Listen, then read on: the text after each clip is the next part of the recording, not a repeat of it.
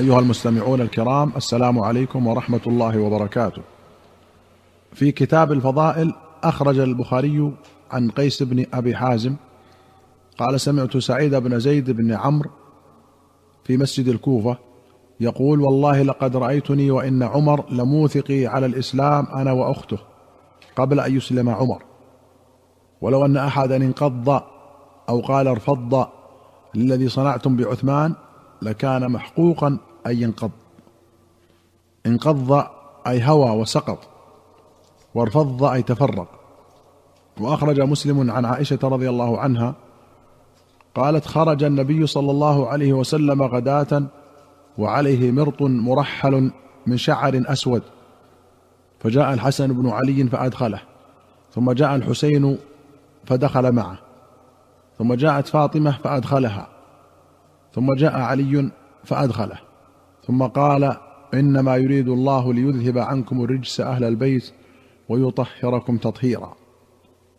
المرط كساء من صوف أو خز يؤتزر به والمرحل معناه عليه صورة رحال الإبل ولا بأس بهذه الصور وإنما يحرم تصوير الحيوان. قاله النووي وقال الخطابي المرحل الذي فيه خطوط والرجس اسم لكل عمل مستقذر أو يؤدي إلى العذاب. وأخرج البخاري عن أسامة بن زيد رضي الله عنهما قال كان النبي صلى الله عليه وسلم يأخذني فيقعدني على فخذه ويقعد الحسن على فخذه الأخرى ثم يضمهما ثم يقول اللهم ارحمهما فإني أرحمهما وفي رواية أنه كان يأخذه والحسن ويقول اللهم إني أحبهما فأحبهما. وأخرج مسلم عن سلمة بن الأكوع رضي الله عنه قال لقد قدت بنبي الله صلى الله عليه وسلم والحسن والحسين بغلته الشهباء حتى أدخلتهم حجرة النبي صلى الله عليه وسلم. هذا قدامه وهذا خلفه. وأخرج البخاري عن عبد الرحمن بن أبي نعم الكوفي قال كنت شاهدا لابن عمر وسأله رجل عن دم البعوض. فقال ممن أنت؟ قال من أهل العراق. فقال انظروا إلى هذا يسألني عن دم البعوض وقد قتلوا ابن النبي صلى الله عليه وسلم. وسمعت النبي صلى الله عليه وسلم يقول هما ريحانتاي من الدنيا. وفي رواية شعبة قال وأحسبه سأل عن المحرم يقتل الذباب. قال يا أهل العراق تسألون عن قتل الذباب وقد قتلتم ابن بنت رسول الله صلى الله عليه وسلم. وفي أخرى قال ما أسألهم عن صغيرة وأجرأهم على كبيرة وذكر الحديث. وفي آخره قال وهما سيدا شباب أهل الجنة. قوله ريحانتاي الريحانة كل بقلة طيبة الريح وكل ما يستراح له. والريحان أيضا الرزق والراحة والرحمة. وأخرج الشيخان رحمهما الله عن البراء بن عازب رضي الله عنهما قال رأيت رسول الله صلى الله عليه وسلم والحسن بن علي على عاتقه. يقول اللهم إني أحبه فاحبه وأخرج الشيخان عن أبي هريرة رضي الله عنه. قال خرجت مع النبي صلى الله عليه وسلم في طائفة من النهار لا يكلمني ولا أكلمه. حتى جاء سوق بني قينقاع ثم انصرف حتى أتى مخبأ فاطمة. فقال أثم لكع أثم لكع؟ يعني حسنا فظننا أنه إنما تحبسه أمه لأن تغسله أو تلبسه سخابا. فلم يلبث أن جاء يسعى حتى اعتنق كل واحد منهما صاحبه. فقال رسول الله صلى الله عليه وسلم اللهم إني أحبه فأحبه وأحب من يحبه. وفي رواية قال كنت مع رسول الله صلى الله عليه وسلم في سوق من أسواق المدينة فانصرف وانصرفت فقال أين لكع ثلاثا؟ ادعوا الحسن بن علي. فقام الحسن بن علي يمشي في عنقه السخاب فقال النبي صلى الله عليه وسلم بيده هكذا فالتزمه. وقال اللهم إني أحبه وأحب من يحبه. قال أبو هريرة فما كان أحد أحب إلي من الحسن بن علي بعدما قال رسول الله صلى الله عليه وسلم ما قال. المخبأ المخدع والبيت.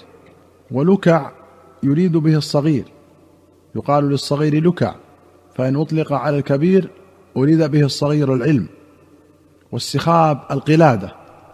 وأخرج البخاري عن أنس قال لم يكن أحد أشبه بالنبي صلى الله عليه وسلم من الحسن بن علي. وأخرج البخاري عن عقبة بن الحارث قال صلى أبو بكر رضي الله عنه العصر ثم خرج يمشي. فرأى الحسن يلعب مع الصبيان فحمله على عاتقه وهو يقول بأبي شبيه بالنبي ليس شبيها بعلي وعلي يضحك. قال ابن حجر زاد الإسماعيلي في روايته بعد وفاة النبي صلى الله عليه وسلم بليال وعلي يمشي إلى جانبه. وأخرج البخاري عن الحسن البصري رحمه الله قال استقبل والله الحسن بن علي معاوية بكتائب أمثال الجبال. فقال عمرو بن العاص لمعاوية إني لارى كتائب لا تولي حتى تقتل أقرانها. فقال له معاوية وكان والله خير الرجلين أي عمرو أرأيت إن قتل هؤلاء هؤلاء وهؤلاء هؤلاء؟ من لي بأمور الناس؟ من لي بنسائهم؟ من لي بضيعتهم؟ فبعث إليه رجلين من قريش من بني عبد شمس عبد الرحمن بن سمرة وعبد الله بن عامر بن كريز.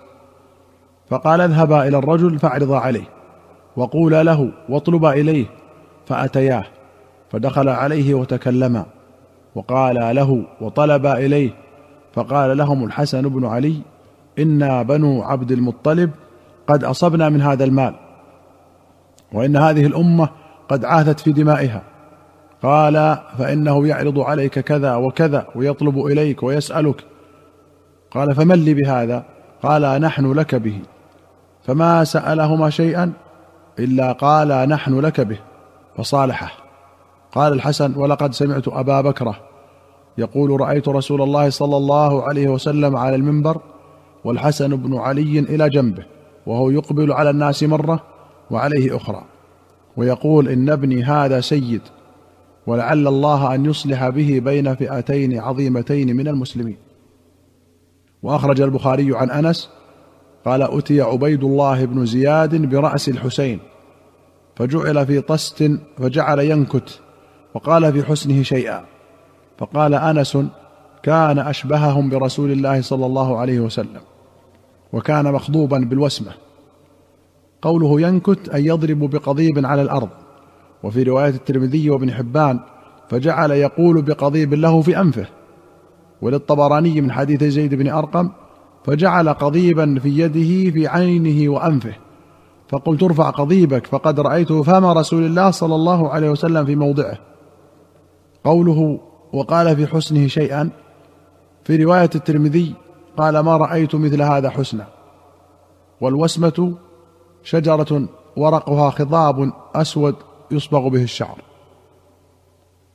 أيها المستمعون الكرام إلى هنا نأتي إلى نهاية هذه الحلقة. حتى نلقاكم في حلقة قادمة إن شاء الله. نستودعكم الله. والسلام عليكم ورحمة الله وبركاته.